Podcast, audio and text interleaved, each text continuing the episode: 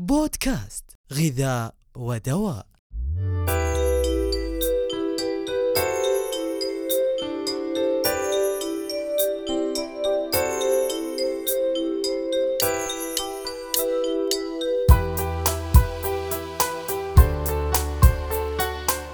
أسعد الله أوقاتكم بكل خير وأهلا وسهلا بكم في الحلقة السابعة عشرة من بودكاست غذاء ودواء الذي يأتيكم من الهيئة العامة للغذاء والدواء بالمملكة العربية السعودية. أحييكم أنا عبد الرحمن السلطان وأهلا وسهلا بكم. الأخطاء الدوائية تحصل في أي وقت إذ يمكن تناول الدواء في أوقات خاطئة أو تناوله مع دواء آخر يتعارض معه. أو قد يتم تناول الدواء الخطأ مما قد يؤدي إلى مشاكل صحية خطرة على حياة المريض. كل هذا سوف نتعرف عليه مع ضيفي الدكتور عبد العزيز الدريهم مدير إدارة الأخطاء الدوائية في الهيئة العامة للغذاء والدواء. أهلا وسهلا دكتور. الله يحييك. خلينا نبدأ في أول سؤال. وش هي الأخطاء الدوائية؟ الأخطاء الدوائية هي أحداث يمكن أن تؤدي إلى استخدام غير مناسب للدواء أو إلحاق الضرر بالمريض على الرغم من إمكانية الحد منها أو منعها. آه هذه الأخطاء قد تكون مرتبطة بالممارسة المهنية مثل وجود خطأ في الوصفة أو صرف أو تكون مرتبطة بالمنتج الدوائي نفسه. على سبيل المثال يكون في تشابه في أشكال العبوات أو تسمياتها أو وجود معلومات خاطئة عليها. حلو. طيب خل خلينا ناخذ بعض ال- ال- الأخطاء الدوائية وأمثلة عليها. آه، الأمثلة على الأخطاء الدوائية كثيرة. خلينا نتكلم عن ال- ال- الأشياء البارزة فيها. مثلا تناول أدوية كثيرة مختلفة في وقت واحد. وهذه خاصة تكون عند المرضى اللي لديهم أمراض مزمنة وبالتالي ممكن يحصل عندهم تعارض في الأدوية. آه، وصف الدواء من قبل المريض آه، الذي أتى بنتيجة جيدة معه لغيره من الأقارب أو الأصدقاء. بعض الناس يلجؤون أحيانا للاحتفاظ بالدواء في أكياس صغيرة.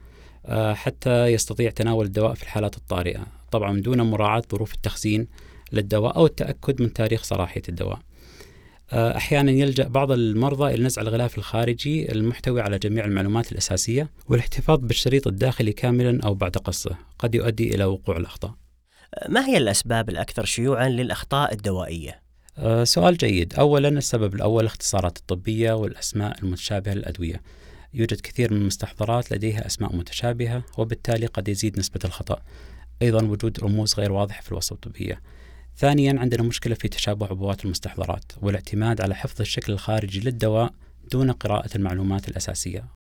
ثالثا ضعف التواصل بين مقدمي الرعاية الصحية قد يؤدي إلى حدوث أخطاء دوائية. رابعا ضعف التواصل بين مقدمي الرعاية والمريض. لذا يجب على المريض الاستفسار من الطبيب والصيدلي عن جميع المعلومات التي يحتاج معرفتها لاستخدام الدواء بطريقة آمنة. جميل. طيب دكتور عبد العزيز لو نقدر نلخص النصائح اللي نقدمها للمستهلكين حول الأخطاء الدوائية. عند البدء بأي تناول دواء جديد آه، يجب أن نتأكد من النقاط التالية. أولا يجب معرفة اسم الدواء الذي أعطاك إياه الطبيب وخصوصا الاسم العلمي لتجنب استخدام نفس الدواء ولكن باسم تجاري مختلف. ثانيا قراءة ملصقات الدواء والنشرة الداخلية أمر ضروري للتأكد من كيفية استخدام الدواء. ثالثا يجب أن نعرف مفعول الدواء والأضرار الجانبية المحتملة منه. رابعا هل يتعارض الدواء مع أدوية أخرى لديك يجب علينا إبلاغ الطبيب أو الصيدلي بأي أدوية نتناولها حتى يتم صرف الدواء المناسب لنا. أخيرا والأهم طريقة حفظ الدواء، حفظ الدواء بظروف غير مناسبة قد يقلل من فعاليته أو سلامته.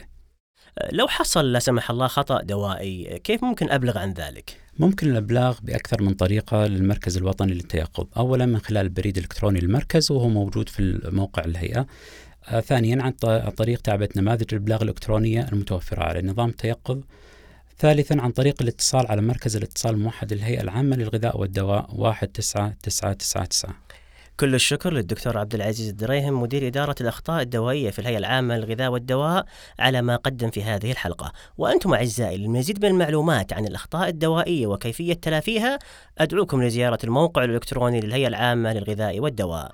إلى اللقاء وألقاكم في الحلقة القادمة.